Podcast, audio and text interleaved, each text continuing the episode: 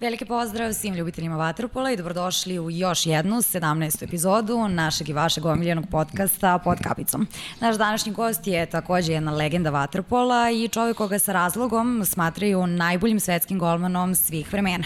U prethodnih 16 epizoda podelili smo iskustva igrača koji pripadaju različitim epohama, a danas će biti posebno zanimljivo jer čovek koji je sa nama je ostao odan Vaterpolu i kao funkcioner nakon što ga je ovaj sport i proslavio kao igrača, pa je da ja ne dužim mnogo mnogo sa najavom da mi pređemo na domaći šampionat za početak, pa onda da najavimo gosta. Da, samo ću malo da se osvrnem, zato što je domaći šampionat zaista izuzetno interesantan. Imamo četiri ekipe koje se, koje se bore za titulu, imali smo i derbi e, toko vikenda. Sada ni jedna ekipa nema maksimalan učinak, nerešeno su igrali Novi Beograd i, e, i ekipa Crvene zvezde, tako da zaista e, onako jedan, mogu reći slobodno, dobar trenutak za, za klubski vaterpolo trenutno u Srbiji s obzirom na, na konkurenciju. Učestvujem mi u celoj priči, da pratimo utakmice Radničkog i Šavca na kanalima Sport kluba.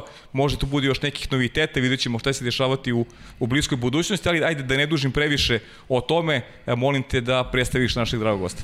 Hoću, veliko je bilo interesovanje, ja neću mnogo dužiti sa najavom, zato što svi znate da je naš današnji gost Aleksandar Šoštar. Aleksandre, dobrodošli u naš studio i evo na samom početku ću vas pitati kako vam se sviđa ovde kod nas. Dobar dan, hvala na pozivu i bolje vas našo i pozdrav svim vašim gledalcima.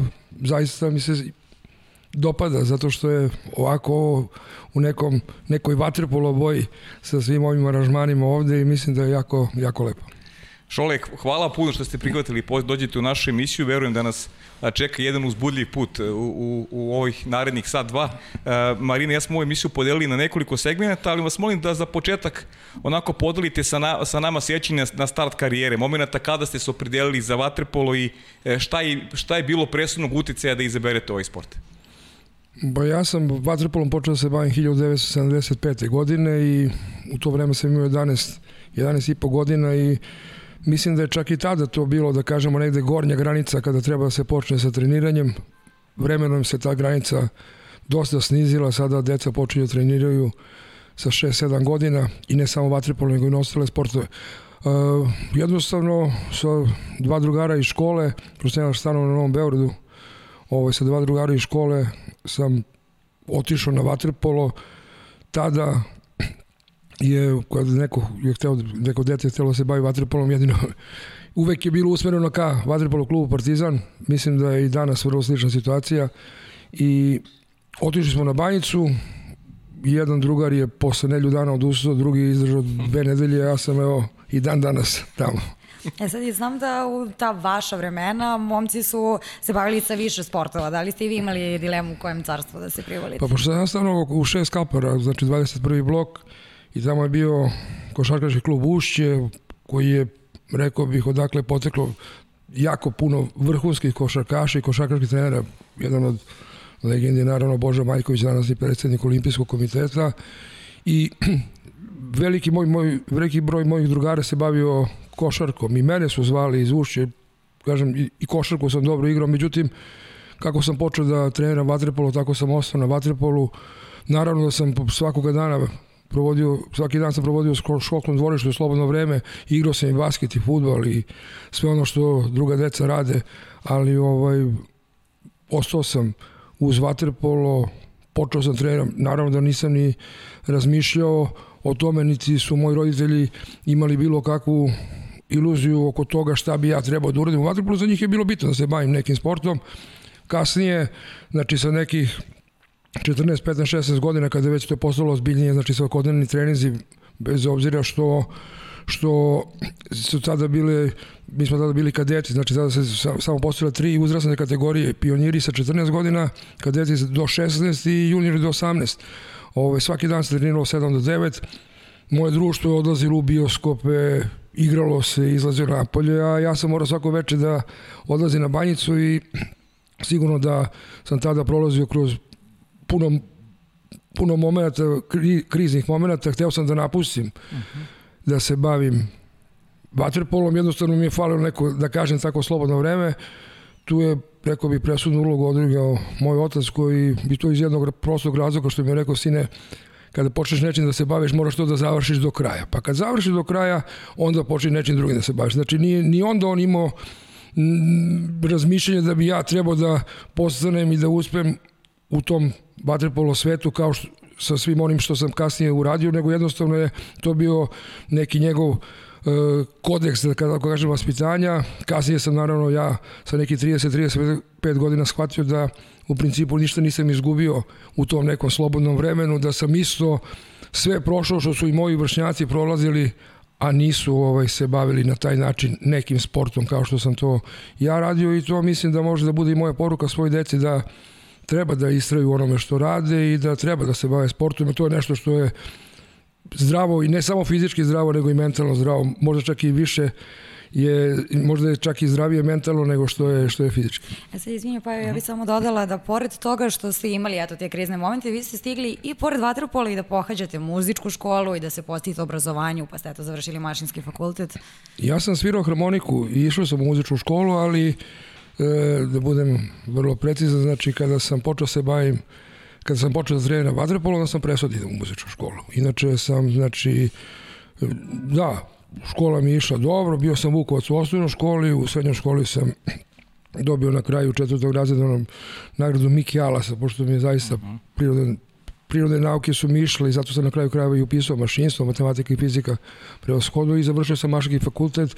Ono što mogu da kažem negde da mi je možda i žao što nikada nisam imao priliku da se bavim mašinstvom i to ne zato što mi je neko to ograničavao ili me neko sputavao u tome, nego jednostavno sve otišlo na neku drugu stranu, neki moji planovi sa 20 godina su bili drugačiji. Međutim, kako je išla karijera i šta se sve dešavalo i dužina moje karijere je nešto što ja ni ludinu nisam mogao da, nisam planirao, znači, ali jednostavno tako, dobro sam se osjećao, išlo je dobro, igrao sam u dobrim klubovima koji su imali aspiracije, što jeste, znači pogotovo za igrača u ovaj, poznijoj dobi preko 30 kada se bavi bilo kojim sportom, znači bitno je da postoji motiv. Ja sam imao tu sreću da sam uvek igrao u klubovima koji su imali najviši mogući motiv i najveće moguće aspiracije, tako da sam onda praktično karijeru završio sa skoro 39 godina i do 38 sam igrao za reprezentaciju i jednostavno sve otišlo na neku drugu stranu, kasnije sam ono postao direktor vaterpolo kluba Partizan i, i ovaj i nisam imao priliku da se bavim mašinstvom. Da, a i, i muzika i to su geni u pitanju, to je neko porodično nasledđe takođe. Niste meni je mogli... otac bio, jeste, da. meni je otac bio profesionalni muzičar, svirao je klarine, svirao je, znači bio je vojno lice, svirao je u ansamblu doma Jugoslovenske narodne armije, svirao je pre toga još pre nego sam se ja rodio i orkestru Gardi i komande grada i tako dalje, bio je profesor u srednjoj muzičkoj vojnoj školi. Naravno, tako da jeste nešto što je muzika bila, muzika je bila od kako sam se praktično rodio prisutna u kući, ali kažem, i time sam kasnije, kako je, znači su stvari išle u ovom sportskom smeru, ovaj, volim muziku naravno, svu vrstu muzike, redko kad uzmem harmoniku da sviram, ne znam da li bi sada nešto znao, dosta sigurno da bi znao naravno, ali ovaj nije to to. Mislim kao i sve drugo u životu treba stvari da se rade, treba da se vežba da bi moglo nešto i da se napravi kako treba. Šola, interesantna je priča, vi ste, znate da ste vi četvrti golman koji je ovde u našem studiju i Sveta Vatripola i meni su interesantne njihove priče kako su završili između stativa. Koja je vaša priča? Kako je, ste došli do toga da, da postanete golman? Ovo što kažete da sam četvrti golman koji je ovde kod vas gost. Ne po kvalitetu, ne po kvalitetu, nego zbog toga, ne, nisam ni mislio, nisam ni mislio da to, ovaj, da je po tom, po tom pitanju napravljena hirarhija, nego kažem, ovaj, to je nešto što stalno ide priča da smo mi golmani posebna neka neka e, organizacija i ne damo nikome drugome. Pa eto i ovo se sad potvrđuje da zaista vjerojatno jesu. Pa ne znam, ja sam ovaj... E, ja sam kao i svako dete u tim godinama 11, 12 godina, znači 13, više volao da dam go nego da primim go. Uh -huh. I zaista sam želao da igram i Aleksandar Masinović, nažalost, pokojni Maksa koji je preminuo ovog leta, je mene usmerio ka tome da budem golman, odnosno stavio me na go. Onda je Max otišao u vojsku, to je bilo 77. godine, 70, kraj 76. početak 77. Ja sam odmah iskoristio priliku da opet počnem da igram i dosta sam se dobro i tu snalazio zaista i tu je, mislim, onako bio sam dobar, međutim Maksa se vratio iz vojske, imali smo 78. to je bilo prvo takmičenje, znači sa 14 godina pionirsko kvalifikacije za kup Jugoslavije u to vreme. Krajem februara se igrao turnir, mi smo imali jako dobru ekipu, ali nismo imali golman. I dve nedelje pred taj turnir me Max opet vratio na gol i tako sam ostao do kraja karijere na gol. E sad, kako ste, kada ste postali svesni da vas drugačije gledaju, da je dobro to što radite i da u Vatropolu možete da imate dobru sportsku karijeru?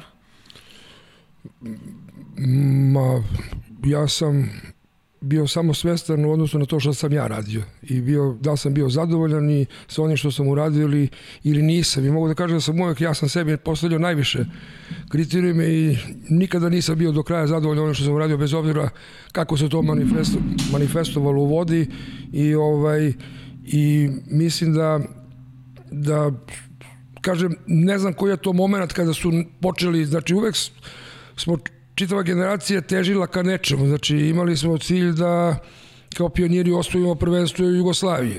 Onda smo posle kao kadeti to radili sa 16 godina. Onda je cilj bio da se primaknemo prvom timu seniorske ekipe Partizana sa 17-17 godina, što u to vreme bilo, znači, sa igračima koji su bili u to vreme na zalasku karijere, naravno, Belamarić, Rudić, Manolović, Stamenić i tako dalje, to je bilo nešto što je par godina pre toga za mene bilo nezamislivo. Tako da je to išlo onako, rekao bih, spontano. Nisam ja baš postao svesan da svi drugi to cene, nego sam ja sam počeo da cenim i da vrednujem taj rezultat. Opet kažem, uvek sam imao ja vrlo visoke kriterijume i stalo sam mislio da može bolje, da može bolje, da može bolje i na kraju krajeva to me i držalo. Mislim da bez tog motiva da sportista e, pokaže da je najbolji i da uradi nešto najbolje, to je motiv koji nosi svakom sportistu. Posle dolaze sve ove druge stvari i priznanje i tako dalje, ali mislim da priznanja nikako ne mogu da budu motiv, osnovni motiv za nekog vrhunskog sportistu koji ostvaruje vrhunske rezultate i koji je najbolji u Evropi, u svetu ili bilo da. Šole, mnogima ste bili uzor. Ko je vama bio uzor kada, kada ste počinjeli karijeru? Pa ja sam rekao, meni je od... Ja sam kao mali, još nisam ni počeo da treniram, gledao sve sportove sam pratio i zaista nisam ništa propuštao i meni je recimo Karlo Stipanić u to vreme ja nisam mnogo se ni razumao u vaterpolu, ali sam gledao i navio. Karlo Stipanić mi je bio onako nešto što sam gledao. Nažalost nisam imao prilike da gledam Galeta Muškatirović. Ali, znači, Stipanić i kasnije Miša Marković, koji je Miloš Marković, koji je branio i Partizanu i reprezentaciji. Mogu da kažem da mi neki način na koji potpuno dva različita tipa golmana, da Miša Marković sa nekom svojom tehnikom i svim onim što je, što je pokazivo i mi noćom nešto što je meni ovako, da kažem, odgovarali ako može da se kaže da je to, ne mogu da kažem da sam imao nekog idola, ali ako treba da se ide u tom pravcu, onda je to Miša Marković. E sada da dođemo do debitovanja za prvi tim Partizana 1981. Da li se sećate te utakmice? Kakav je si utisak pratio? Kako ste se osjećali? Sećam se, to je bila utakmica protiv Triglava. Znači, Triglav je u to vreme, znači, govorimo o onoj socijalističko-federativnoj republici Jugoslaviji, znači o tom prvenstvu gde je Triglav kao predstavnik Znači, nije to bilo po nikakvom, ni po kakvom ključu, ali bio jedini klub iz Slovenije koji je nastupao. Znači, on je praktično jednu, dve godine igrao u prvoj ligi, pa je onda ispadao, pa išao u drugu ligu i sigurno da je bilo ogromna razlika u kvalitetu između Partizana i, i Triglava. Ja sam dobio priliku na toj utakmici, pošto jednostavno to je tako nešto i prirodno.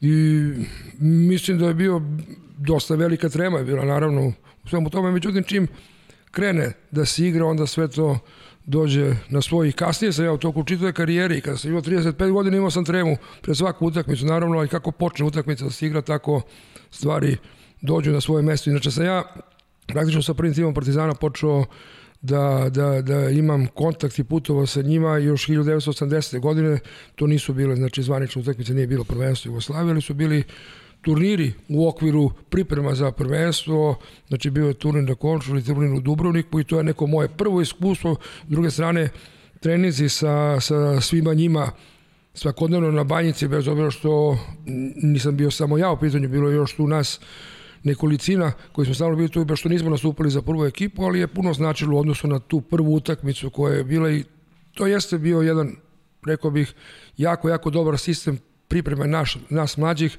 da bi krenuli da, znači da bi zagazili one seniorske vode, rekao bih, dosta, dosta rano, ali mislim da je tu Vlaho Orlić neprikosnoveni, znači tvorac i, i čovek koji je znači ne samo udario teme vaterpolu u Srbiji, nego u čitavoj bivšoj Jugoslaviji to jako dobro radio i da zato i Partizan izradio toliko, toliko, toliko, toliko, toliki broj znači vrhunskih, vrhunskih vaterpolu imena. E, možete da postavite nešto mlađe poput mene ili značajno mlađe poput Marine. Ko je u toj generaciji Partizanovi sa vama igrao u to vreme? Mislite, iz moje generacije? Iz, generacije, iz moje da, da. generacije, znači, na početku je bilo, znači, bio još Mirko Bradajić, međutim, on je posle, kao 64. godište, znači, on je posle godinu, dve, ovaj, jednostavno nije imao kvalitet za igranje u srednjovskoj ekipi Partizana i posle prešao u Beče, ja mislim i tako dalje, ali je bio i u svim tim junovskim konkurencijama do, do zaključio sa junovskom konkurencijom jako, jako, jako dobar. Prethodno je bio, znači 62. generacija 62. bio Dragan Andrić koji je bio, znači dvostruki osvajač zlate olimpijske medalje 84. i 88. On je dve godine pre mene i ušao u prvu ekipu. Ovo su, ovo su ta neka vremena, ili tako, iz, yes, iz Partizana? Tako je, samo to je, mislim, već 88. 9. Mm -hmm. ako se ne varam. Onda bio je naravno Igor Milanović, koji je godina mlađi od mene, a koji je praktično mu isto vreme počeli da, da igramo za prvu ekipu Partizana, s tim što je on, znači, pošto golmansko mesto je nešto gde ima samo jedan i golmani ne mogu da se na taj način menjaju za vreme utakmice, toku utakmice kao igrači. Igor je izuzetno dobro, iz, vrhunski iskoristio svoju šansu da tih, kako to poče, nekoliko minuta, praktično u prvi 3-4 utakmice, ja sad tačno ne mogu da se setim, kada je dobio šansu da igra, znači on je mm, izborio mesto da bude skoro prvi centar Partizana. Tako da ovaj to su u principu imena koje su kasnije ostali. Naravno kasnije došao Rađenović, Gočanin, Anto Vasović, koji su znači 66. 67. godište, ali i bilo je puno igrača još znači i 59. 60. 61. koji su nastupali za srednjovsku ekipu Partizana, koji su igrali možda godinu, dve, tri, koji jednostavno su na kraju da, tako da se grublje izrazim otpadali zato što su dolazili mlađi koji su bili bolji. Eto to je bilo bio čitav znači retrospektiva neke selekcije koja po meni jeste najbolja moguća kakva može i da bude kada imate dobru bazu i kada stalno izbacujete izbacujete nove nove igrače.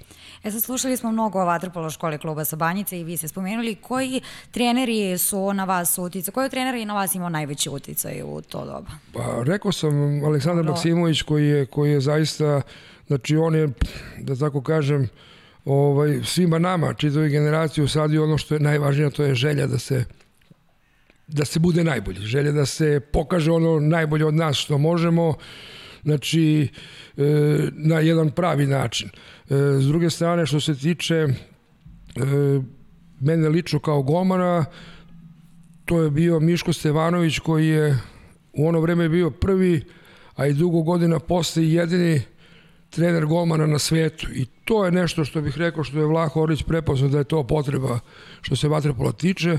Miško Stevanović koji je bio pomoćnik Vlahi Orliću kao trener prvog tima, on je počeo se bavi i radom sa golmanima, znači zaista je ovaj jako, jako, jako, jako imao, mislim, on je imao najveći utjecaj na mene kao, kao golmana, kasnije to nadogradio Nikola Stamenić, koji je bio selektor, ali je zbog nekih stvari ja sam ga jako dobro razumem, Nikola isto završio mašinstvo i mašinski inženjer, on je po meni uradio neke stvari još 80. godina, koje ni dan danas sigurno 80% trenera u svetu ne radi, on je mehaniku jednostavno prebacio vodu, ja se to razume i on je, na, rek, mogu tako da se izradim, napravio, što se mene tiče i mog branjenja, napravio jednu nadgradnju koja je meni posle dolala puno, puno toga dobrog. Ali to već govorimo do, od 80. godine pa na ovamo, znači već je za, završen bio Seul i tako dalje, gde kada osvojite zlatu medalju na olimpijadi mislite da nema više ništa ovaj iznad toga i da sve znate. U stvari ja sam posle toga shvatio da još puno toga ima što može da se da se, da se nauči i da naravno je izuzetna vrednost kada se poprete na neko pobjedničko postolje, ali nemerljivo sa tim je kada na tom pobjedničkom postolju to postolju ostajete u kontinuitetu, e onda to je ono što predstavlja pravu vrednost. E, Si tada treniralo dva puta dnevno kao, kao Naravno. i sada i škola pride još? Naravno. Jeste. Naravno. Tada se trenirao dva puta dnevno. Što se tiče škole, mislim da je bio malo drugačiji mentalitet prema svemu tome nego, nego danas, ali to je pitanje i svih kompletno društvenih tokova i ne samo kod nas, nego i svetu i tako dalje, ali isto nismo svi na taj način nismo se svi isto ponašali prema tome, ali se treniralo dva puta dnevno, konkretno moj neki radni dan dok sam išao na fakultet, pošto ovaj, mašinski fakultet jeste zahteva što se tiče sticanje uslova da se izađe na ispit, mislim i prisustva. Na predavanja nisam baš išao redovno, pošto nisu bila obavezna, ali na vežbe sam morao da idem i ja sam odlazio, znači napravljeno za tu grupu nas koji smo išli u školu i ovih mlađih koji su išli znači, u srednju školu, Uh, mislim da Gočanina, Anto Vasovića, Gorana Rađenovića. Znači, mi smo trenirali ujutro od pola 7 do 8 na, na Banjici, onda se išao sa Banjice na fakultet od 9, ostao tamo koliko sam trebao da ostavim ruču tamo u menzi i vraćao se direktno s fakulteta uveče u 7 sati na, na, na, na banjicu na trening. I posle toga do 9 i to je to. I sutra opet isto. Ali, mislim, kažem, ja ovde ne govorim kao nešto što je, ne znam, šta, to je jednostavno bilo moje opredeljenje, ja sam smatrao da to tako treba da bude, da je bilo lako, nije bilo lako, ali verovatno da je bilo neizvodljivo, ne bi se to ni radio. Zato mislim da sve može da se, da se uradi ukoliko čovjek ima želju za tim da to i uradi. E, Nije bilo lako, ali svakako se isplatilo kada gledamo sve uspehe koje ste postigli, a konkretno u tih 10-11 godina osvajali ste domaće trofeje sa crno-belima, osvojili ste kup Omnika kupa, super kup Evrope, ali jedino niste sa Partizanom postali prvak Evrope. Jedino nismo postali, jedino nisam postao prvog Europe. Tako i to je najveća žalost, mislim, što smo imali zaista izuzetnu ekipu, dve godine za redom, 87. i 88. godine smo ispadali u polufinalu, ovaj, eto, jednostavno, mislim, to je nešto što je sigurno ta generacija Partizana zaslužila da osvoji u sve ovo drugo što smo osvojili, kasnije smo osvojili 89 ili 90 ako se ne varam kup, kupova i super kup u duelu sa Zagrebačkom mladosti, da 90. pošto je 91. ovaj bio taj super kup, tako da ovaj mislim da zaista mogu da budem izuzetno zadovoljan time što sam uradio u Partizanu, ali ostaje žal sa time što nisam uspio sa Partizanom da i zajedno sa čitavom ekipom, naravno da se poprema pobednički, pobedničko postolje u kupu šampiona. Ja sam imao tu sreću, to je, to me nekako na, možda i pratilo kroz čitavu karijeru da je to je jedini trofej bilo u klubskoj, bilo u reprezentativnoj konekciji koji mi je falio i koji sam poslednji osvojio, to je bilo 2000. godina sa Bečem. Pričat ćemo to. Možeš ti da pređeš na 92. Da, slobodno. dolazimo do 92. i va, vaša odluka je da odete u inostranstvo i izbor je pao na moćni Posilipa. Ja sam u inostranstvu otišao 91. u septembru. Prve, aha. 91. u septembru, posle, svetskog, posle evropskog prvenstva u Atini, gde na utakmici protiv Španije ovaj, u polufinalu meni pukao motač mišića aduktora i ja jednostavno finale nisam mogao da branim. U stvari nisam mogao ni da se krećem. To je znači, bilo ona famozna godina kad smo dve nedelje pred evropsko prvenstvo ostali bez pola reprezentacije, odnosno e, članovi reprezentacije iz Hrvatske su nisu se odazvali pozivu i onda je Serator Staminić pozvao i zato i kažem vezano za ono što sam malo pre rekao, znači kada se pravi dobra selekcija, kada, se, kada ima široka baza, uvek je tada moglo da se nadomesti e, sa nekim drugim igračima mlađim koji su možda imali u tom momentu, nisu imali takav kvalitet, ali su imali možda i veći motiv. I mi smo praktično sa tom vrlo podmlađenom ekipom koja je 10 dana bila zajedno osvojili zlato medalju na Evropskom prvenstvu u Atini, to je bilo u avgustu mesecu, mene je povreda držala možda jedno mesec dana, ja nisam mogao da treniram, ali sam krajem septembra otišao u Posili, pošto je za mene bilo ovako jedan ogroman izazov, zato ste mi rekao da sam imao sreću ili je to sve zajedno, imao sam kvalitet da bi mogao da imam sreću da igram u klubovima koji koji as, imaju aspiracije za najviši plasman. Znači, to je za mene bio jedan ogroman izazov i ja sam znači, u Napolju otišao 91. godine i ostao tri sezone. Znači, sa Posiljim su osvojili dva puta dva puta prvenstvo Italije, što je, mislim, kod njih zaista bilo to je onako posebno što se tiče Napolitanaca i tog bazena na Skandoniju, znači ta dva finala, 7-8 hiljada ljudi na tribinama, to je nešto što nikada neću zaboraviti. A pamtite tu ekipu? Pa pamtim ekipu, kako ne bi. Ko igra u toj, u toj Pa, mislim, ono što su bili, to su i dan danas, znači, reprezentativci koji su bili onda i koji, oni koji su iz sveta vatre posebno znaju, znači, dva brata Porcio, Pino i Franco Porcio, Mario Fiorillo, Gandolfi, Carlo Silipo, dva brata Fiorentino koji su povremeno igrali za reprezentaciju Italije, Fulvio Di Martin. Znači, zaista jedna ekipa jako, jako dobra, ali mislim da je, recimo, drugu sezonu, u stvari moju treću sezonu, a druge sezonu, pošto u prvoj sezoni smo ispali u polufinalu od Peskare, ovaj, drugu i treću sezonu praktično smo voli prvenstvo, to prvo je bilo to prvo je bilo osvojeno protiv Savone, a onda druge sledeće godine je bilo osvojeno protiv Volturna. Volturna je pravio jedno ovako ne, ne mogu da kažem instant ekipu, ali to nije bila znači neka znači ozbiljno, ozbiljna priča na duge staze, ali su jako puno ulagali u Vatrepolo, imali su jednu fantastičnu ekipu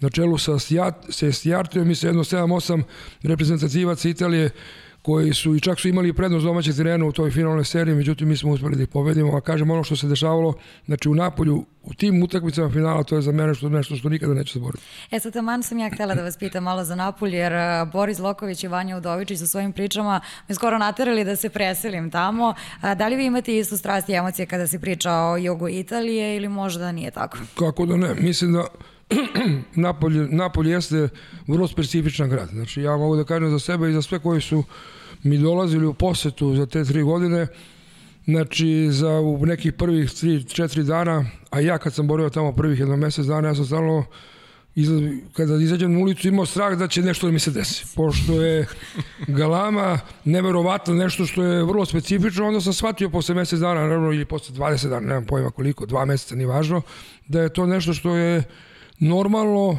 u Napolju. I da bi se upoznao Napolj, po meni ipak treba da se provede jedno duže vreme tamo da bi se osetio taj dug grada. Ne može se osetiti na dva dana, tri dana, to je nešto što što nigde nije napisano, isto čovjek ne može da nauči, treba jednostavno da osjeti. Za mene, mislim, zaista me vežu i jako, jako lepe uspone za napolje. Da. E, more vam je prijelo očigledno u tom periodu. Imali ste i dve epizode u Budvi, ono što se podrazumevalo kad uz vaše ime i osvojenja šampionska titula. Kako se sećate tog perioda provedenog u, u, u Budvanskoj rivijeri? Pa dobro, Budvanska rivijera bila je, znači prva epizoda je bila između uh, Napolja i Barcelone. Barcelona.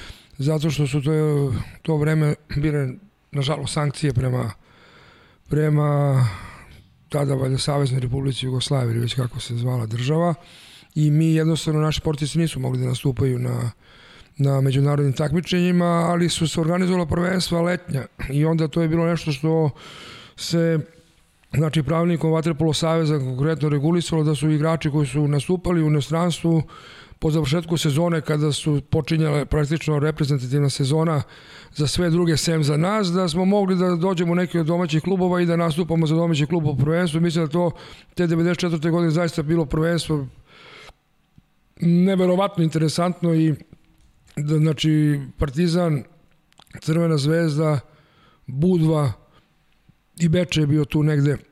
Mislim da je ovaj izuzetno, izuzetno interesantno prvenstvo, mislim da je bio pun pogodak u tom momentu, a naravno da, mislim, najlepše kad u sve to što je lepo još na kraju budete i prvi, mislim, to je, to je nešto što teško, nema bolje od toga. Znači, ja stvarno, ja četiri meseca preko leta, igrajući, budu provodeći svo vreme dole na moru, da tako kažem, mada se naravno i tamo treniralo dva puta dnevno, ali je neka potpuno druga priča za mene bilo neko novo iskustvo, ali isto jako, jako lepo.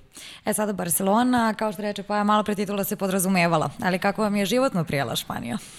Pa prijela mi, prijela mi. Ovaj, Prijel, mislim, ja, jako, potpuno drugačije od Napolja. Znači, potpuno drugačije od Napolja, potpuno drugačija organizacija života, potpuno drugačija organizacija grada i tako dalje. Što se tiče temperamenta, kantalonci jesu zatvoreniji nego što su e, španci i nego što su napolitanci. ali ovaj, mogu da kažem da smo imali sreću, pošto smo Vlada Vujsinović i ja isto vreme došli ovaj, u Barcelonu, imali smo sreću da je u ekipi bilo gro igrača iz Madrida, uh -huh. koji su i bili nosioci igre u reprezentaciji, a onda su i svojim ponašanjem i svim onim što su, što su imali i svojim kvalitetom, ali oni su na neki način davali tom svemu tome, tako da za nas bilo vrlo jednostavno da se uklopimo u sve to. S druge strane, igrači koji su bili baš iz Barcelone su se isto znači bili su mnogo otvoreni nego neki drugi koji nisu znači bili u, u, u miksu svih tih znači e, karaktera kao što je bilo bio taj slučaj u Barceloni. I kažem jako jako lepo potpuno drugačije nego nego nego u Napolju ali isto me vežu neverovatne uspone za Barcelonu. Rekao bih da kada sad ovako shvatim da je 24 godine prošlo kako sam ja otišao iz Barcelona, ne mogu da verujem, a 26 godina kako sam otišao iz Napolja, ali eto, to je jednostavno tako kako, kako jeste. Ono što mogu da kažem kao jedan kuriozitet za, za Napolj, to je ono što je meni onako potvrda nekog mog da kažemo pečata koju sam ostavio tamo u Napolju nevezano za sve ovo što se dešavalo u sportu jeste da smo mi pošto se, kako smo, svake nedelje smo igrali prvenstvenu utakmicu, znači svake druge smo igrali kod kuće. Igralo se subotom, petkom uveče smo išli u jednu pizzeriju tu blizu stadiona Napulja, uh -huh. futbalskog stadiona. Ja sam isto dosta blizu stanova i gro, gro igrača je stanovalo tu u, u okolini. Išli smo kod jednog prijatelja u pizzeriju koja je bila vrlo mala, možda je bila da kažemo veličina ovog, ovog studija pizzerija i ja sam stalno naručivo jednu mešanu picu koja je pola što mi znamo kalcona, pola je mešano paradajz, rukola i parmezan. Pa me onda on u stvari to mi je predložio, pošto mi je ovo bilo mnogo teško, mi je bilo previše lako i tako dalje, on je rekao, pa ja ću to da ti napravim ovako pa malo da raširim testo, gore stavim to i tako. I onda sam ja stalno naručio tu picu, ja ću ono moj, ja ću ono moj. Ja sam otišao 94. godine iz Napulja i onda ovaj, su me zvali posle jednog godina i po dana i rekli su me, e, Rino, pošto se to pizzerija kod Rina se zove, onda kaže Rino je stavio jelonik picu Sostar, pošto tamo nije šostar nego Sostar. I onda naravno kako su napolitanci vole tako da se da se zezu i da prave priče, oni kažu skerci aparte. Ovo, ja sam mislio da to, mislim da jednostavno da je to opet neko da, da, da, nema problema i tako dalje. I onda 97. godine pre Final Fora, Kupa šampiona, e, koji se igrao u Napolju. Mm, ja sam tada igrao u Budi, mi smo došli nedelju dana pripreme sa Posilipom, znači oni su nas zvali da bi se pripremili za taj Final Four i ja sam naravno otišao u tu pizzeriju sa drugarima iz ekipe iz Budve i kako sam ušao tako je ovaj Rino, samo što je sad pizzerija prebeštena stotinak metara i sad je to je bila mnogo, ve, mnogo, mnogo, mnogo veća pizzerija koji dan danas postoji. On je rekao, e, vidi, vidi, daj mu jelovnik. On, On je gazda, inače koji radi sve bez obzira što je gazda.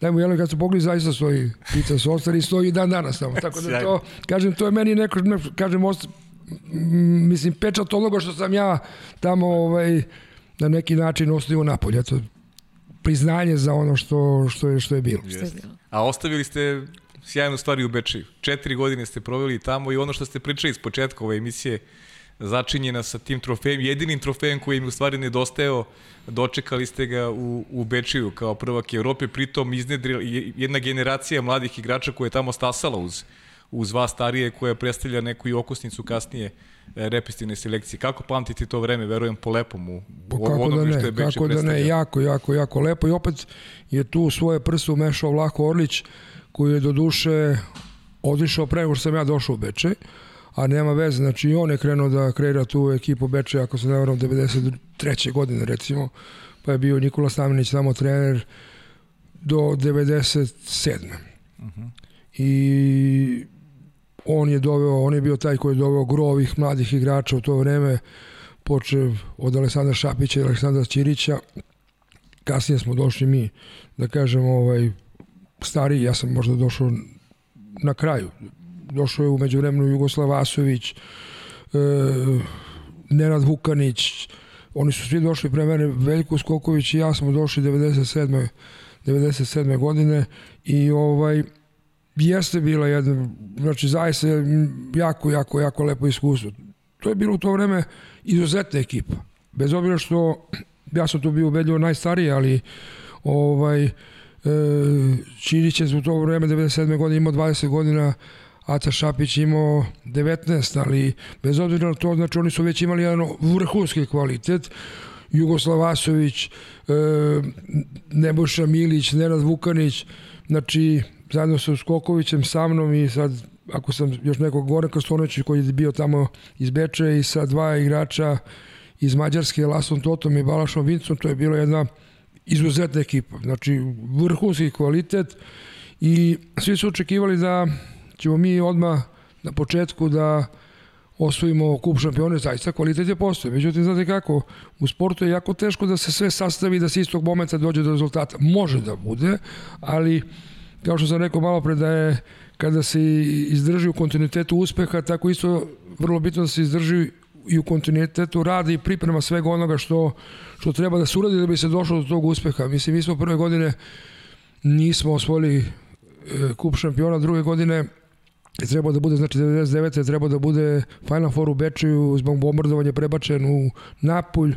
Mi smo u Napolju bili drugi, izgubili smo finale od Splitske banke, nekada Poška i danas Poška, a onda smo treće godine znači osvojili. Prema tome, e, održali smo taj kontinuitet rada i na kraju se popeli na to pobjedničko posljednje. Imali smo, znači 2001. godine isto veliku priliku da ponovimo taj rezultat, bio je Final Four u Dubrovniku, međutim, nažalost, već ta sezona 2000-2001. godina je bila sa velikim problemima i tako dalje i nažalost nismo uspeli da ponovimo ono što smo radili godinu dana pre toga.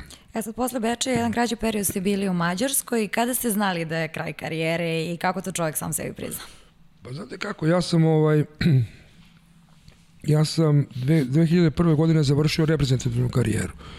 I u to vreme je počela neka priča vezano za to da, mislim, već sam počeo da razmišljam i da ovaj, prestanem da se aktivno bavim vaterpolom, onda sam dobio taj poziv iz Mađarske da je meni opet to predstavljalo neki izazov. Nije to bila najkvalitetnija ekipa u Mađarskoj u tom momentu. Ferenc Varoš danas je, ali klub sa ogromnom tradicijom, danas je osvajač kupa šampiona i tako dalje. Ovaj, opet se vratio na, na, sam, na sam vrh, ali bez obzira ovaj, negde mađarski vaterpolo je nešto što mislim da za sve nas je uvek bio neki izazov. I mene to onako prijelo ja sam ovaj, prihvatio tu, tu ponudu, međutim umeđu vremenu se otvorila priča i oko toga da postanem direktor vaterpolo kluba Partizan. I za mene to bilo malo ovako e sad gde bi i kako bi. Ovde sam u nečemu što se bavim već 25 godina unazad i nešto što mi ovako prija i tako dalje. Ovde je nešto novo, ali nešto što je neminovnost i što će slediti, što, što, što mora da bude nekada da počne čovek i to da radi. Međutim, onda se našlo neko rešenje da sam sa Mađarima se dogovorio da mogu da dolazim tamo četvrtkom uveče, da se odigram utakmicu u subotu i da ovaj, i to ne sve, nego samo one utakmice koje su bitne, a da ovih prvih četiri dana radne nedelje budem u Beogradu. Tako sam ja i on, znači, i postoji direktor Partizana i igrao sam za Ferenc Varoš. Eto, to je bila neka... Onda se, naravno, sticam okolnosti napravilo da smo u Len kupu tada u četvrtfinalu se sastao Partizan sa Ferenc Varošem, tako da je to bilo nešto što je za mene, ja sam se to smejao kod toga i govorio da sam sam protiv sebe igrao, pošto mislim je bilo, da bi naravno izbegao pritisak svega, to je bilo jedino kada sam početkom januara meseca dve nelje boravio u, u, u Mađarskoj, bilo je tu razno narednih priča u pripremi te utakmice, Partizan jeste imao bolju ekipu u to vreme od od Ferenc Varoša, mislim da je ovde bilo nerešeno ili je Partizan dobio go razlike u Beogradu, ali u Budimpešti je u remašu utakmice Partizan dobio sa četiri razlike, ako se ne varam. Mislim, nije bila spora razlika u Federetu. Ono što je za mene bilo bitno, da sam zaista jako dobro branio, čak su ovaj, Mađari, što nije svojstveno, znači dva dana posle utakmice na duploj strani u novinama izbazili kao neku odu, čast i odanost u odnosu na ono što sam ja uradio, znači nije bilo nijednog, bez obzira sam ovde bio praktično funkcioner u klubu, da igrao sam za Ferenc Varoš, ja sam dao sve od sebe da je bili Ferenc Varoš dobio da, da, jasno. i prošao u polufinale tog Len Kupa. Kažem, tako da je to isto neko iskustvo koje ja ne znam da li je neko još imao u svojoj karijeri da praktično igra sam protiv sebe. Hoćemo šole malo u repestivne vodi. Može. E, koji selektor vam je ukazao šansu, siguran sam da se sećate te prilike koje ste dobili kada ste prvi put e, nastupili pod, da kažem, e, nacionalnom kapicom? Pa što se tiče seniorske reprezentacije, to je bilo 84. godine kod Ratka Rudića na turniru u Gruziji. Uh -huh. I to protiv reprezentacije Gruzije, u to vreme naravno bio je Sovjetski savez, reprezentacija koja je bila izuzetno jaka i dugi, dugi niz godina, znači e, Sovjetski savez, Mađarska, Jugoslavija su bili u toj nekoj najuže konkurenciji uz naravno Italiju, Španiju, Ameriku u to vreme, ovaj, ali na, tim, na tom turniru koji se odigrava u Tbilisiju, to je bio tradicionalni turnir, znači Gruzija sa svom nekom tradicijom, pošto je ogroman broj igrača iz Gruzije tada učest, igrao za reprezentaciju Sovjetskog saveza, znači oni su imali svoju kao posebnu ekipu, bila tu reprezentacija Sovjetskog saveza i reprezentacija Gruzije.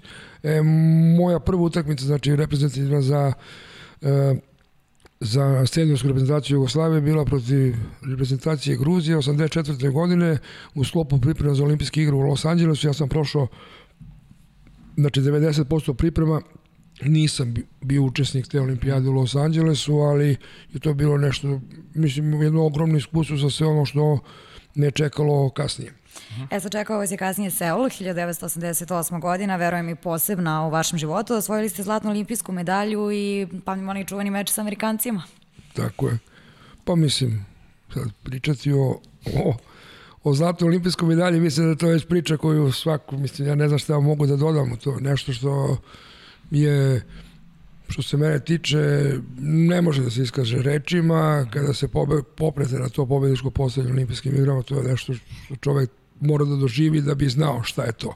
Mislim, može da se prepriča, da se priča sa Amerikancima, naravno, znači to je mm, mislim da smo imali pre toga jako teške mečeve, čak i u grupi smo imali dosta. Prvi meč sa Amerikancima u grupi smo izgubili, pa smo posle protiv Španaca igrali jedan meč koji je bio vrlo, vrlo, vrlo, vrlo tesan do samog kraja, da smo na kraju dobili sa dva razlike. Španci su imali e, napad da izjednače i mi smo na kraju dobili sa dva razlike, nisu ga iskoristili, mi smo dali u kontri gol.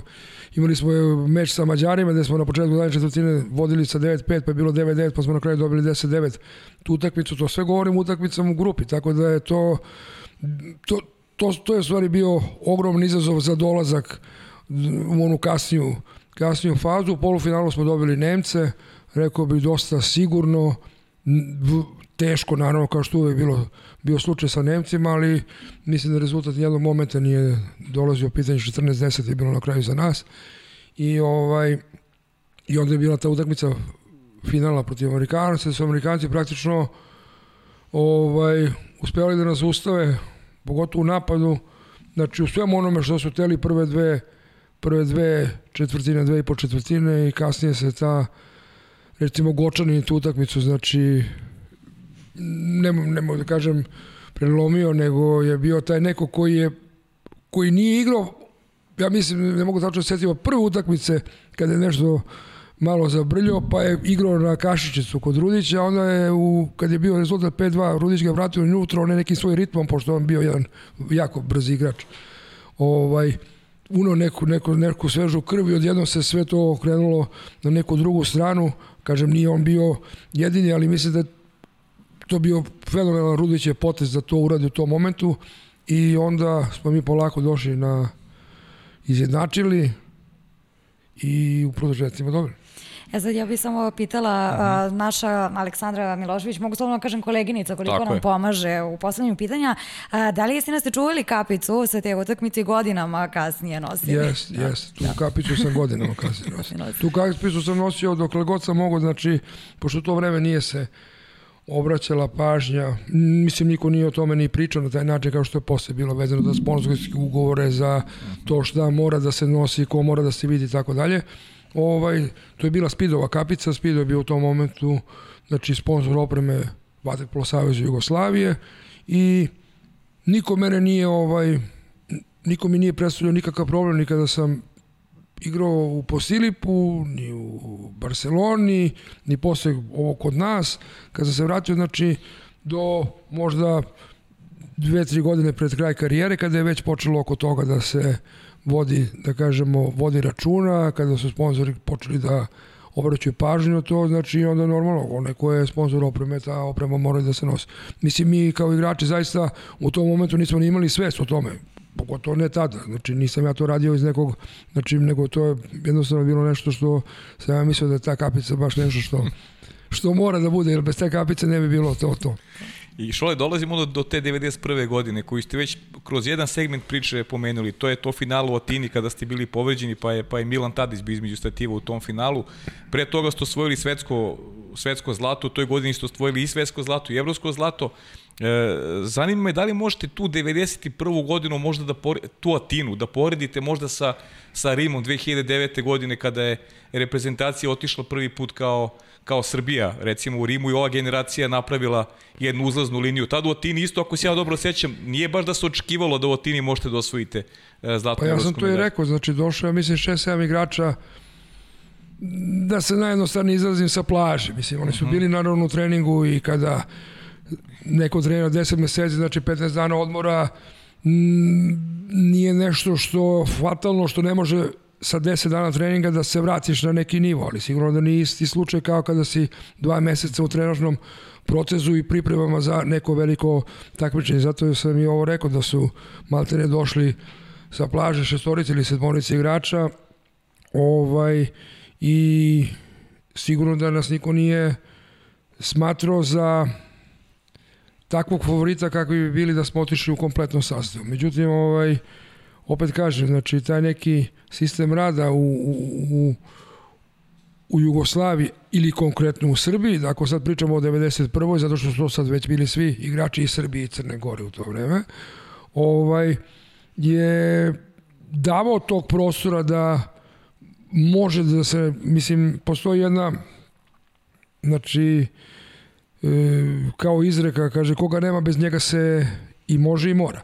Prema tome, jednostavno je to bilo tako, mi smo to tako i shvatili, možda, ne možda, nego sigurno je postao i dodatni motiv da, da ovaj se opet pokaže da, da e, smo najbolji i bez obzira što deo ekipe iz Hrvatske nije, nije sa nama. Mislim da je taj motiv nosio i ove momke 2009. godine, jer je, ako se ne varam, osam igrača prestalo da igra za reprezentaciju posle olimpijskih igara u Pekingu. I isto je bilo velikih polemika da li, kako, šta, a onda su oni isto imali mm, znači e, jedan kvalitet o kome ne treba da diskutujemo, ali s druge strane nije bio potvrđen.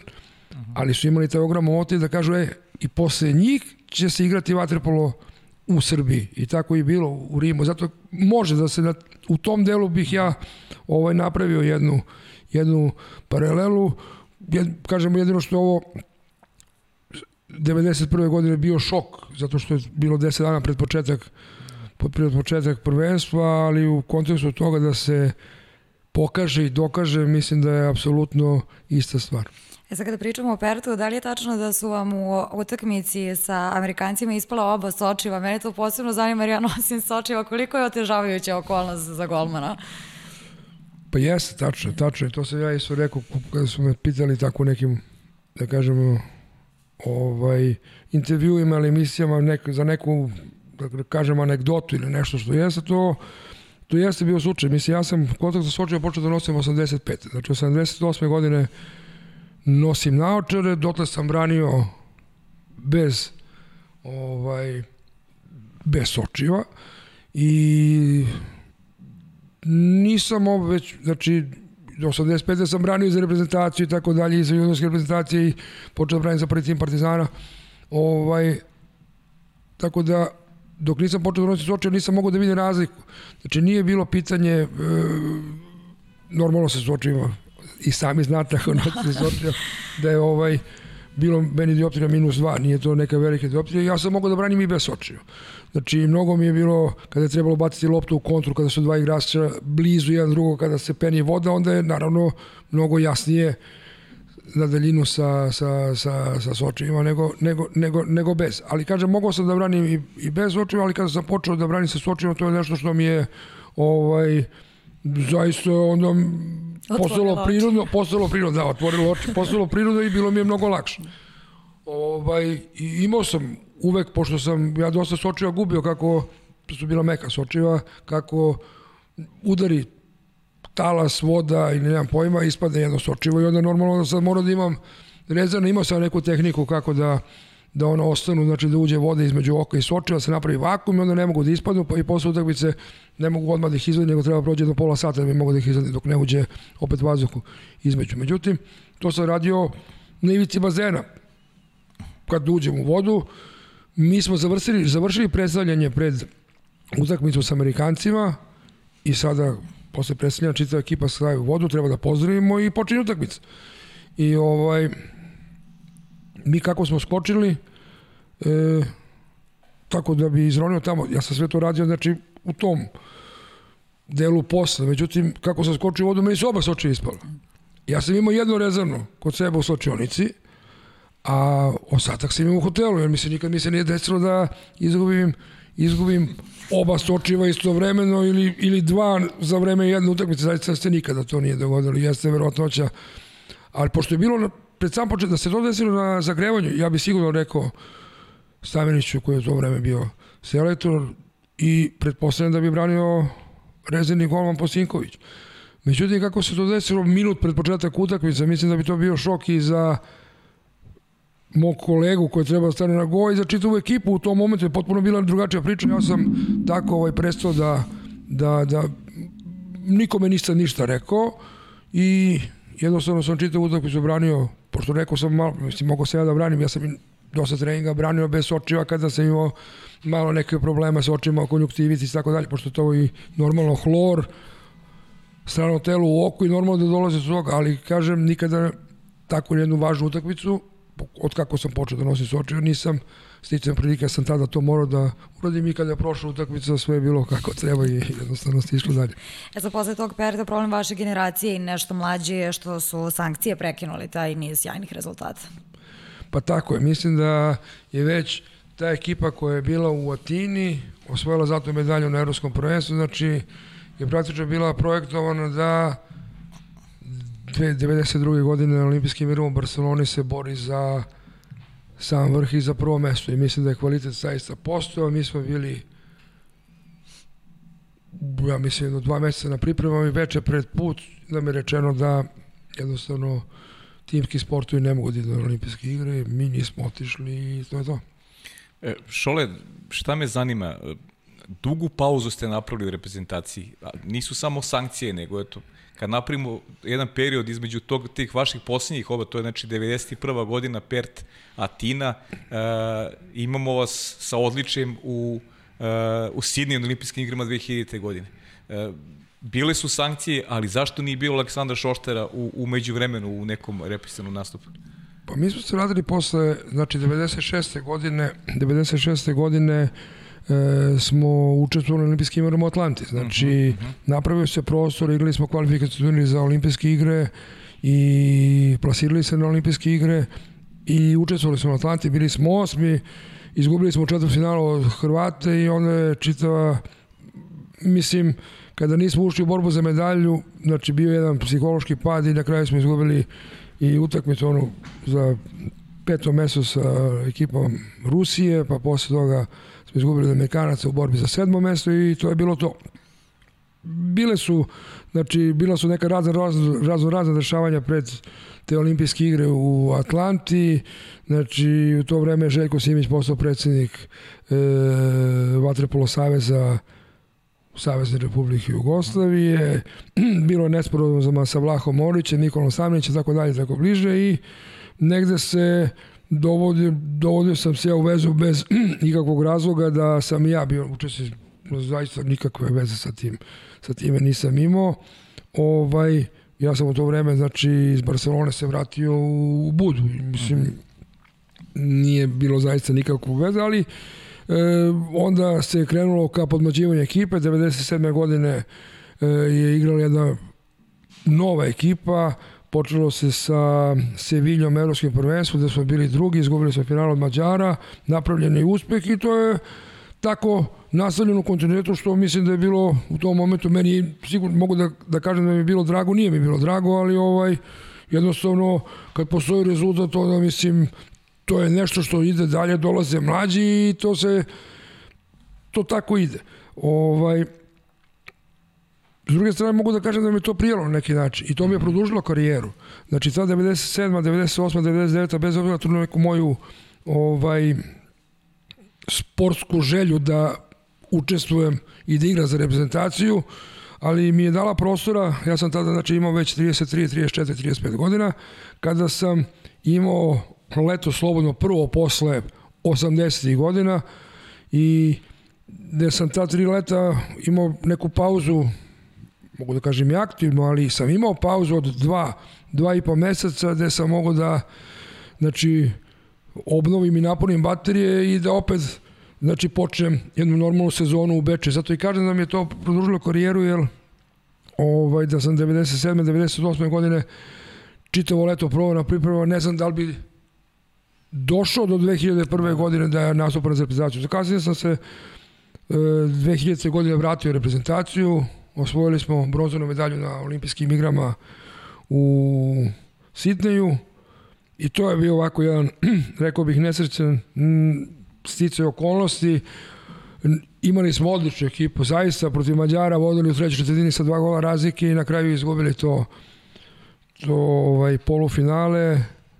Ista ekipa Mađara koji smo nekoliko dana pre toga u grupi dobili, ali eto, to je tako kako jeste i mislim da posle tog nekog šarenog perioda od e, sankcija, pa to tih tri godine od 97. do 2000. gde se sve to pravilo, gde nismo imali taj kontinuitet kakav je bio nekada ranije, onda je od 2000. godine krenuo da se opet gradi taj kontinuitet i u radu, i u stvaranju, i u selekciji, i u svemu i zato mislim da od 2000. godine pa na ovamo da ne znam da li je bilo jedno ili dve godine kada smo se vratili bez medalje za nekog velikog takmičenja. A uvek su te medalje bile u 80% slučajeva naj, najsjajnije.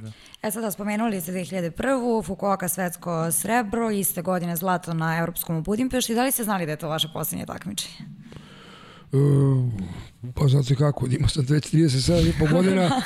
Da me pitate ovako, pre takmičenja nisam razmišljao da je poslednje. Znači, zaista, nisam uopšte o tome razmišljao, nego mi, rekao sam već na početku da mi to meni nekako sve išlo prirodno i onda kao nešto radiš i kao misliš da to može doživotno tako da reći. A znaš da ne možeš, naravno. Ovaj, kad se to završilo, nisam ovaj nisam ni onda razmišljao da li je to kraj ili nije kraj, ali je bilo nekako i normalno, razgovarao sam sa Nenadom Manolićem koji je tada bio selektor, u stvari on je razgovarao sa mnom, ja sam rekao, ma ne, no, uopšte problema kod toga, pogotovo što sam već počeo i prihvatio mesto direktora Vatrpolo klub Partizan, onda mislim da je bilo potpuno deplasirano da se bilo što pisao, što sam igrao za Ferenc Varoš, ali kad sam već ovde direktor u klubu, onda mislim da je potpuno deplasirano da se na bilo koji način naseljata neka reprezentacija karijera. Ovo u Mađarskoj mi je odgovaralo, zaista, mislim to je bio neki part-time aranžman, ali meni je to zaista odgovaralo, čak i tu sezonu sa Ferenc Varošem nismo osvojili ništa, ali kažem, Ferenc Varoš je, igrali smo finale kupa gde smo izgubili od Vašiša koji je bio mnogo, mnogo jači od nas i to na produžetki. I u prvenstvu smo od Honveda koji je tada isto bio jako, jako, jako kvalitetan sa svim ovim reprezentativcima Mađarske ovaj, ispali u polufinalu.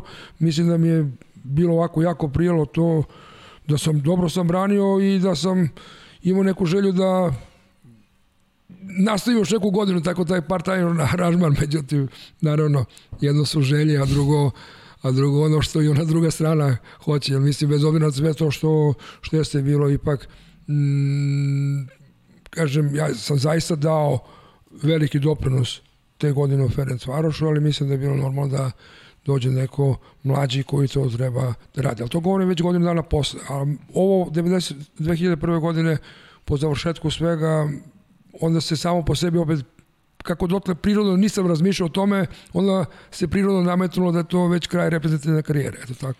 E, ja moram da vam pročitam, naša Aleksandra ona zaista prati Vatrupolo i samo on je napisala, sećam se kada je pokojni Duško Korać rekao da je ovo poslednji meč velikog Aleksandra Šoštara, ja sam plakala i rekla tati da će nas sada svi pobeđivati zato što više nemamo ko da brani za nas jer niko ne brani kao Šoštar. I stvarno mnogi su se pitali šta ćemo posle. Ne, nije, pa mislim, to je, verovatno su se pitali i šta ćemo posle i pre nego što sam ja došao i kao i kasnije kada je posle znači došao Šefik, pa Soro, pa sada Bane Mitrović, Pjetlović, mislim da da ovaj da je to opet moram da se vratim na potvrdu rada i kvaliteta te naše škole. Uglavnom su to isto bili svi, ako pričamo o golmanima, i golmani koji su u nekom delu svoje igračke karijere prošli kroz Partizan ili su počeli u Partizanu i dostigli jedan vrlo visoki nivo. Soro je bio 2000. godine meni rezerva u Bečeju kada, kada smo osvojili titulu Kupa šampiona. E, kasnije kada sam ja završio reprezentativnu karijeru, znači Kuljač i Šefik su bili reprezentativni golmani, Šefik se nametnuo i zaista je izuzetno branio sve do 2008. 2008. godine već na olimpijadi je na neki način je bila borba između Sora i Šefika, kasnije Soro branio do 2012. Tako da mislim što se tiče golmana nikada problem nije postao, to jeste potvrda tog nekog kvalitetnog rada koji smo imali. Kako će biti u buduće, vidit ćemo. Mislim da možemo opet s te strane da budemo mirni, ali tek treba da dođe vreme da potvrdi da li sam u pravu ili ne. Svakako ste imali sjajne naslednike, ali kad ste već spomenuli Sora? Ćemo Pozdrav Šole, pozdrav svima u studiju. Pre svega, ajde da ispričam ja nešto kratko. U prvom srednje ovaj, moja povlastica za gradski saobraćajni u Novom glasila na Aleksandar Šoštar, tako da mi je Šole bio možda jedini idol sportski kog se ima u životu, a eto kasnije smo igrali zajedno i smatram danas da smo više od samo poznanika i bivših saigrača. A moje pitanje za Šoleta glasi zanima me, a ne samo i mene, verujem da tu ima još ljudi kojima je to interesantno, da nam objasni poreklo svoje golmanske grbe. Da li je ta grba posledica golmanskog položaja ili možda točka koji si vukao pod dnu bazena, čuveni miško točak pun, pun betona ili možda nešto treće ili kombinacija više stvari. Eto toliko, pozdrav iz Rima i sve najbolje. Ćao. Hvala na pozdravu i od pozdrava. Ovaj, nešto treće, naravno, mislim, ja sam imao kifozu uh mhm. -huh. i odatle e, to potiče i dan danas ovaj, jedan, znači, negde od saveta za ovaj bavljanje plivanjem. Ja pre nego što sam počeo se bavim vaterpolom, ja sam i plivo, je da plivanje je nešto što naglo sam izrastao u tom periodu i da je nešto što bi trebalo da reguliše. Znači imao sam i kifozu i skoliozu. Znači skolioza se ispravila, skolioza se vratila u normalu, mislim kično je što se toga tiče prava, ali kifoza je ostala upravo iz razloga što sam posle ovaj poč, stao na go i onda u tom nekom golmanskom položaju, a još što kaže Soro, znači vučenje tog točka i tako dalje, je ovaj ne znam da li je to uticalo, ali kažem, taj golmanski položaj jeste nešto što je da, nije doprinalo da ja imam tu gifozu, ja sam već imao, ali je nešto što je doprinalo tome da ne može da se ispravi. Ali kasnije, znači, bila sad to je nešto što bih ja rekao da dolazi možda iz neznanja, pa je bilo objašnjenje da je u stvari ja tako branim upravo zbog toga što mi je to prirodan mhm. položaj, pa su onda drugim golmanima pokušavali na vesački način da, da naprave grbo, što bi ti bilo meni neverovatno smešno, jer to je jednostavno izvodio, mislim, čovjek je čovjek i onako kako je on prirodan, tako, tako, tako i može jedno da bude. Tako da je to poreklo, ako je to odgovor na pitanje da. Bobino. E, rekli ste ovaj, da ste ostavili reprezentaciju dobri rukama, pa ćemo samo kratko da prođemo i kroz tu post karijeru, postavili neke pitanje gledalaca, ali ono što je meni interesantno, rekli ste da se e, ne plašite ovog perioda, kada govorimo aktualnom trenutku perioda do Tokija, nego onog što će biti posle Tokija, ili, ili dalje ostajete e, Absolutno. pri tom stavu? Da? Apsolutno, ostajem pri tom stavu, jer svi ovi rezultati koji su postignuti u svim ovim godinama, znači rezultati koji su postignuti Od 2000. godine do 2008. godine i sve te medalje su rezultat rada koji je bio 97. 8. 9. 2000 i tako dalje.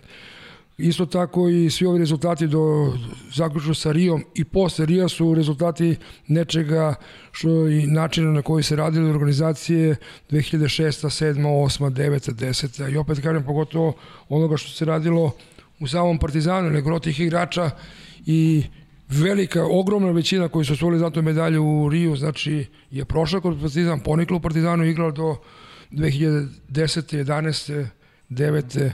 u, u Partizanu. Tako da ovaj, e, mislim da imamo tu neku kopču za neposredno posle Tokija, ali ono što za mene jeste alarmantno, to je da smo mi, ako se ne vjeram, pet evropskih svetskih prvenstva za mlađe kategorije od 2017. godine počevo od Malte. Znači, nismo osvojili medalju zaključno sa prošlom godinom kada je naša reprezentacija juniorska osvojila uh, srebrnu medalju na svetskom prvenstvu. Znači, to je bilo prvo, posle dve i po godine, prvo takmičenje sa koga smo se vratili sa medaljom što se tiče mlađih kategorija, to je nešto što je ono što je sutra, to je nešto što je budućnost i to je nešto što se nikada nije dešavalo, znači barem od kako se ja bavim ovaj, vaterpolom, znači uvek su mlađe selekcije, to govorim još od 70. 80. godina, osvajale medalje na, na evropskim i svetskim prvenstvima, i, a pogotovo od 2000. na ovamo. Znači, e, zbog toga sam na neki način, mogu da kažem, uplašen. Kažem, imamo tu neku kopču za neposredno posle Tokija sa ovim ovaj delom igrača koji koji nisu trenutno u seniorskoj reprezentaciji, ali koji je Dejan već govorim o Denu Saviću, znači ubacio u taj trenažni proces i koji jesu nastupali za reprezentaciju, tako da mislim da će oni moći tu negde da naprave kontinuitet, ali mislim da nam je u mnogome smanjena baza i da je to nešto što me, što me plaši. Uh -huh. E sada napričamo kratku retrospektivu šta se dešavalo po završetku vaše karijere i između ostalog bili ste direktor uprave za sport Republike Srbije i uticali ste da Beograd dobije organizaciju univerzijade 2009. što vas i navelo da se na ovaj način aktivirate i negde sačuvate učešće u sportu. Pa kako da ne?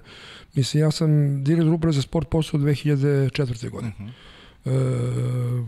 e, to je bilo ovako vrlo nenadano i nigde nije bilo nekim mojim, da tako kažem, planovima. Ja sam, rekao sam već malo pre 2001. godine postao direktor Vatrpolo kluba Partizan, 2002. godine u aprilu mesecu sam postao predsednik Vatrpolo Saveza Srbije i Crne Gore u to vreme i to je znači bilo dve godine do marta meseca 2004. kada sam postao direktor uprave za sport, naravno sam podnao ostavke na jednu i drugu funkciju što se Vatrpolo tiče i u Partizanu i u Savezu i ovaj i to je jeste bio neki opet kažem novi izazov za mene nešto što mi otvaralo mogućnost da za u, aktivno učestvovanje u razvoju sporta i tako dalje na teritoriji Srbije.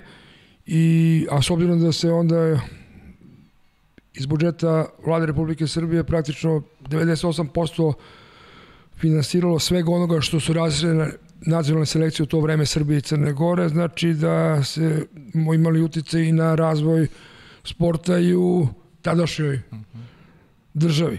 I mislim da su napravljeni jako dobri rezultati. E, to dobijanje organizacije letnje univerzijade 2009. godine jeste, rekao bih, na nekom, sa nekog diplomatskog aspekta jedan ogroman uspeh. Znači, bilo smo u, kon u konkurenciji bio jedan grad iz Meksike, grad iz Poljske, ali grad iz Meksika, ne znam, imao možda 50 ostruki 50 ostruko veći budžet nego što smo mi imali, ali mislim da je ovaj ono sve što smo uradili u kontekstu te pripreme, organizacije, prezentacije i tako dalje, bilo na vrhunskom nivou. Mi smo dobili tu organizaciju 2005. godine, ako se ne varam, u januaru mesecu. Čitav program koji sam ja tada kao direktor uprave za sport napravio, bilo je, čitava ideja mi je bila da se sportski objekti u Beogradu rekonstruišu do, do, do 2009. godine. To ne, ne onako, rekao bih, navrat na nos, na šest meseci pred samo takmičenje, nego i budžetski je tako bilo organizovano za 2006. 7. 8. da bi onda 9. dočekali mirnije, međutim ovaj iz raznih razloga čak se onda, to je za mene bilo nešto novo što sam vidio, znači bez obra što su bila sredstva obezbeđena, nije moglo da se ovaj e, da se dođe do da se neki sportski objekti već krenu u rekonstrukciju određenu koja je potrebna 2006. 7. zbog nekih stvari koje bi remetile to ili to, tako da je to sve otišlo na neku drugu stranu i mislim da je tada u tom periodu e, nije bilo nekih velikih znači rekonstrukcija e, sportskih objekata, sem bazena na Banjici ili 2006. godine bilo evropsko prvenstvo u, u, u Vatrepolu u Beogradu i onda je praktično i iskorištena ta prilika da se taj bazen sredi koji je bio priprav... Igralo se na Tašmajdanu, ali bazen Banjica je bio u programu da se u odnosu na, na sve ono što nas čeka 2009. godine sredi, pogotovo letnji bazen, tako da to napravljeno, ovi drugi objekti su vrlo onako, da ga rekao bih, ne baš puno, znači da su, da su urađeni u tom periodu. Znači 2007. godine se promenila struktura samog znači ministarstva, više nije postojala uprava za sport u okviru ministarstva prosvete i sporta, nego se formiralo ministarstvo omladine i sporta. E, ja sam ostao još godinu dana kao, kao pomoćnik ministra, znači od 2007. do 2008. E, kažem, nikada nisam bio član jedne stranke, što ne mislim da sam bolji ili gori od onoga koji jeste, ali tako da i mislim da i to vreme koje sam se na tom mestu znači održao ovako sad iz ove perspektive kad gledam unazad izgleda mi malo never, neverovatno. Znači 2008. godine sam podneo ostavku na mesto pomoćnika ministra u ministarstvu omladine i sporta i eto, to je to. E sad, kao funkcioner ste prošli kroz nekoliko partizanovih epoha. Koja je bila najbolja, a koja je najteža? Kao funkcioner sam bio, znači, da, bio sam direktor Vatrepolo kluba Partizan i kasnije predsednik. Ma, mislim da je teško bilo uvek.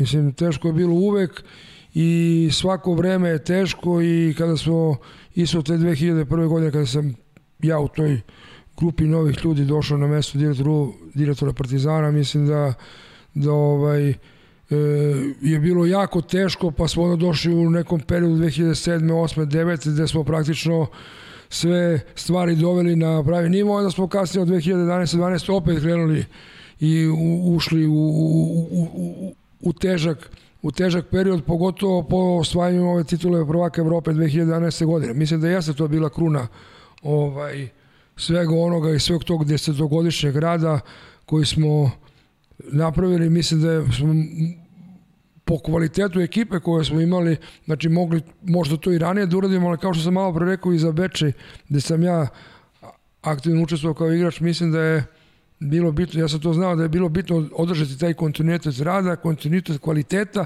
da bi se došlo na kraju i popel na to pobjedičko postolje. 2011. godine u Rimu se osvojio titula prvaka Evrope, što jeste nešto što, ako mogu da kažem i za mene lično, što kada nisam uspao kao igrač, onda sam na neki drugi način, kao deo Vatripolo kluba Partizan, uspao da osvojim titulu prvaka Evrope. E, Šole, šta se dešavalo u posljednjih godinu dana u, u Partizanu? Smenjeni ste bili na, na neregularan način, posle toga je Partizan pretrpeo svašta, na kraju ste i podržali e, dolazak novih ljudi koji su prolazili rukovodđenje klubom. Meni dan danas pitaju ljudi e, da li ste, ako ste podržali nove ljude ili ste ostali vi uz klub, e, da li učestvujete u radu današnjeg Partizana, šta se dešavalo, kako možete onako nekrećim crtem opišite šta se dešavalo? Ovo je možda najmračnije godine u Partizanu koje je bilo. Znači, zaista od te famozne skupštine 2. decembra, mislim da e, da ne bih bio previše subjektivno da kažem da je pre toga 1. decembra teklo med i, med i mleko kroz uh -huh. Vatrepol klub Partizan, dok sam ja, kažem, formalno bio gore, a kasnije neformalno nisam bio gore, zato što sve što ono, mislim, na kraju krajeva data i potvrda toga da je sve to bilo nelegitimno urađeno, ovaj, ali mislim da je Partizan dotekao dno što se tiče ovog sportskog dela od 2. decembra pa na ovamo, zato što se apsolutno nikakva pažnja tome nije, nije pridavala. Znači, uspelo da se zadrži taj neki rad sa mlađim selekcijama. Ja sam bio naravno u kontaktu sa, sa svima, ali što se tiče prve ekipe, e, e, nekog, neke organizacije, e, zadržavanje igrača koji su zaista svi bili jako mladi i, i, i, i pre tog 2. decembra, -hmm. tako kažem, uh, puštanja tih igrača tek tako da napuste klub i tako dalje. Mislim da je to nešto što je jako, jako loše. Bazen na banjici nije radio od januara meseca, pa ja mislim skroz do juna meseca. Došlo je do korone i do vanrednog stanja koje je uvedeno sredinom marta, ali i pre toga, znači nije korona bilo uzrok toga što nije radio baza na banjici, tako da mislim da to jeste bila najcrna godina u, u Partizanu. Znači u junu mesecu sam ja dobio drugostepeno rešenje, znači potvrdu prvog stepena od strane e, znači drugostepeno rešenje od strane Ministarstva omladine i sporta, potvrdu prvog stepena od gradskog sekretarijata koje je došlo i m, pokušao sam opet da na neki normalan način se dođe do, do, do toga, znači sa tim papirom koji je bila potvrda da sve ono što se dešavalo tog famoznog 2. decembra je bilo neregularno, nelegitimno, nezakonito, ali onda opet nije postojala, znači, apsolutno nikakva dobra volja da se to reši. Pojavili su se momci koji su i svojim imenima i svim onim što su radili svih ovih posljednjih godina, kad kažem posljednjih, mislim na deceniju jednu da. i više, u Vatrepoli tragom koji su ostavili i koji su svi potekli iz Partizana, koji su hteli da uđu to. I naravno sam ja to podržao, nisam onda u tom momentu nimao nikakvog razloga da više sam ovaj isterujem neku pravdu, urađeno to što je urađeno, opet smo imali zakazanu skupštinu već u julu mesecu, onda opet uvedena ona zabrana okupljanja i tako dalje. Međutim, krajem augusta se uspelo da se organizuje skupština i sigurno da sada stvari, opet da budem potpuno jasan, da ne bi bili previše onako ovaj, slatki i euforični, da ne teče med i mleko, naravno. Ali je isto tako sigurno da su se otvorila vrata da bude, da bude, da bude bolje, muke su velike i to će vam potvrditi svi oni koji su trenutno gore. Ja jesam u klubu kao savjetnik, u stvari u ovom prvom nekom ovih prvih mesec, mesec i po dana sa, da kažemo, jednim mnogo umerenijim, znači, prisustvom, odnosno ili ne prisustvom, da se tako izrazim, jer mislim da neke stvari treba da dođu na svoje mesto, da se prekontroliš, da se vidi što se ja već govorio dve, dve, tri godine unazad, da bi se sve to regulisalo i jesam ostao u klubu, da. Uh -huh. E sad manje više smo prošli sve čime ste se bavili po završetku karijere, ali imamo još jedno pitanje za vas.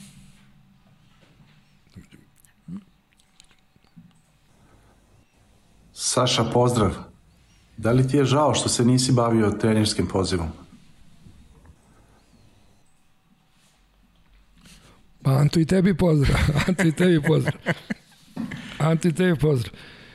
Da, jest. To mogu da kažem da me to, to je to je e, jedina stvar koju u, u sportu nisam radio. I mogu da kažem da mi je negde žao, ali to što kažem da mi je žao to je negde u, rečeno u perfektu. To ne znači da ne može da bude.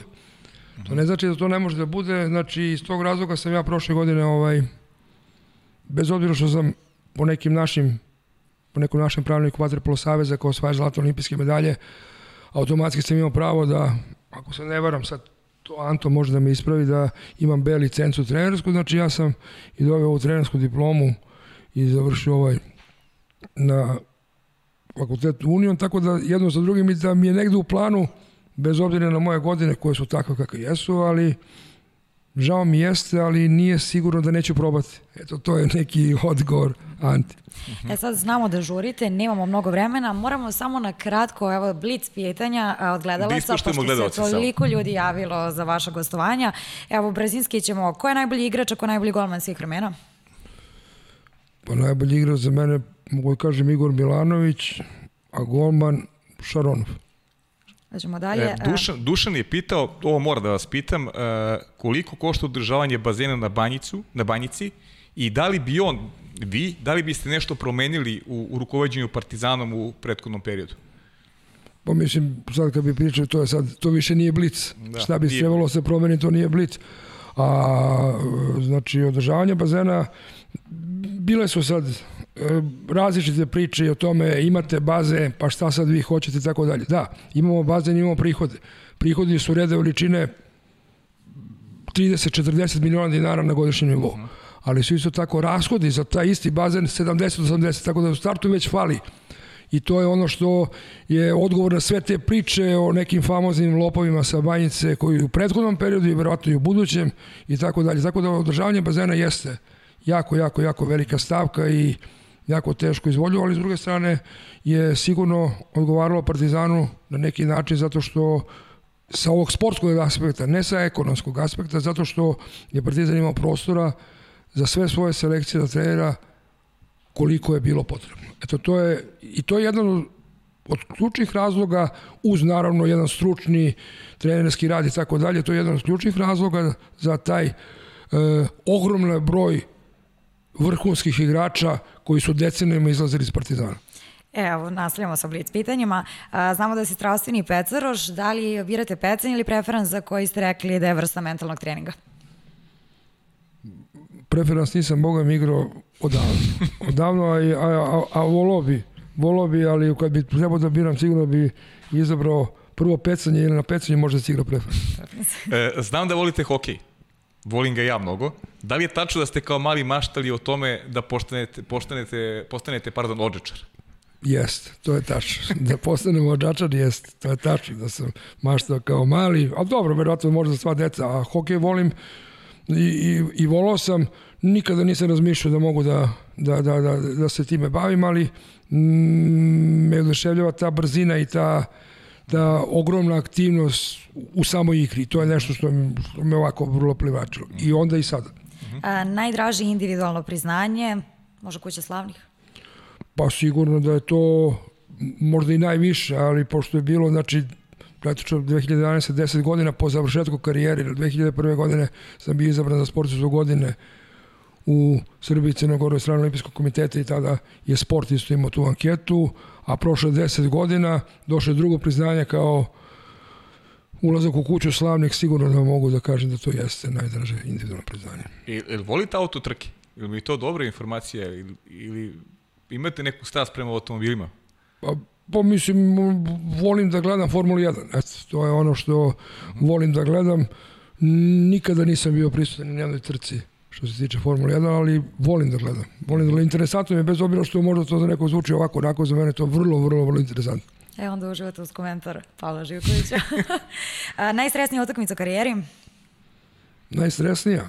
Puf, pa, final u Seulu. Final u Seulu. E, Aleksandra, opet naša draga, kaže, sprečio je hiljade golova, a nije dao ni jedan. Ili tačno niste dali ni jedan gol u karijeri? Tačno je da za zvaničnu utakmicu nisam dao ni jedan i, i to je velika žal. Ovo kako što, što kaže Ante za trenerski poz, poziv, tako isto i, i ovaj na zvaničnoj utakmici nisam dao gol. Dao sam dao sam dva gola na treningu i to oba Pavlo Trapanezu koji je bio tre, golman talijanske reprezentacije, ali to je bilo na trenizima. Jedan kad je bio golman Volturna, jednom kad je bio golman Kanotjerija, ja sam u to vreme još igrao u Partizanu. To je bilo pre 91.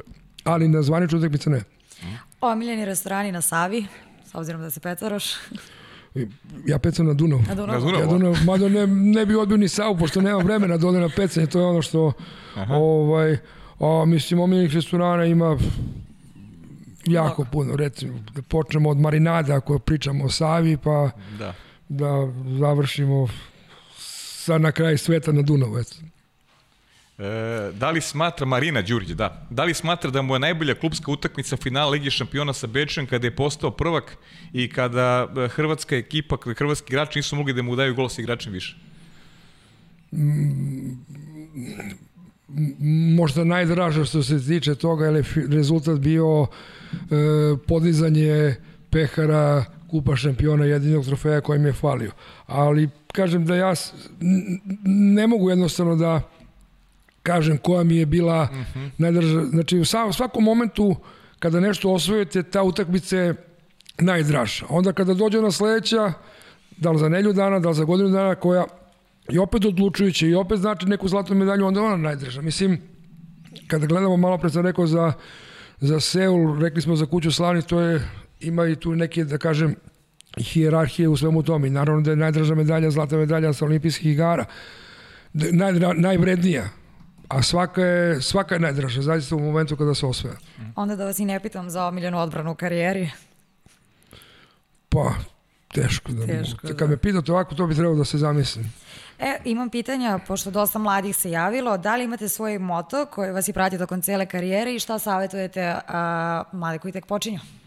Pa rekao sam da je moto, moto treba biti uporan. Znači, moto je treba biti uporan i treba jako puno raditi. Nisam rekao neku, nisam izmislio neku novu nauku, ali zaista e, postoje gradacija u tome. Znači, treba biti izuzetno uporan, e, pojavit će se hiljadu problema, hiljadu situacija koje će izgledati nepremostive, ali jednim, jednom velikom upornošću i ogromnim radom sigurno to može da se prebrodi i da se ide dalje. Ćemo kažemo za porodicu, a? Dakle, Da. I za kraj samo da spomenemo porodicu koja je najvažnija, da pozdravimo suprugu Biljanu i da kažemo da imate dve čerke, Jelenu i Saru. Tako je, dve čerke Jelenu i Saru iz prvog braka, sada u, u braku sa suprugom Biljanom. Eto, za sam kraj da vas pitam, da li vam se svideo intervju? Bilo je super. Eto, Šole, puno hvala što ste bili, zaista nam je bila velika čast i nadam se da ćemo se družiti pod, ponovo u nekoj, u nekoj drugoj priči i pripričavati Hvala i vama na pozivu i ja se nadam da ćemo se družiti ponovo. Eto. Hvala. hoćemo da najavljamo sledećeg Može gosta slobodno. ili... Pa može slobodno. Da želiš. kažemo da se spremite i da šaljete pitanja za Miloša Ćuka. Toliko od nas. Hvala vam na pažnji i uživajte.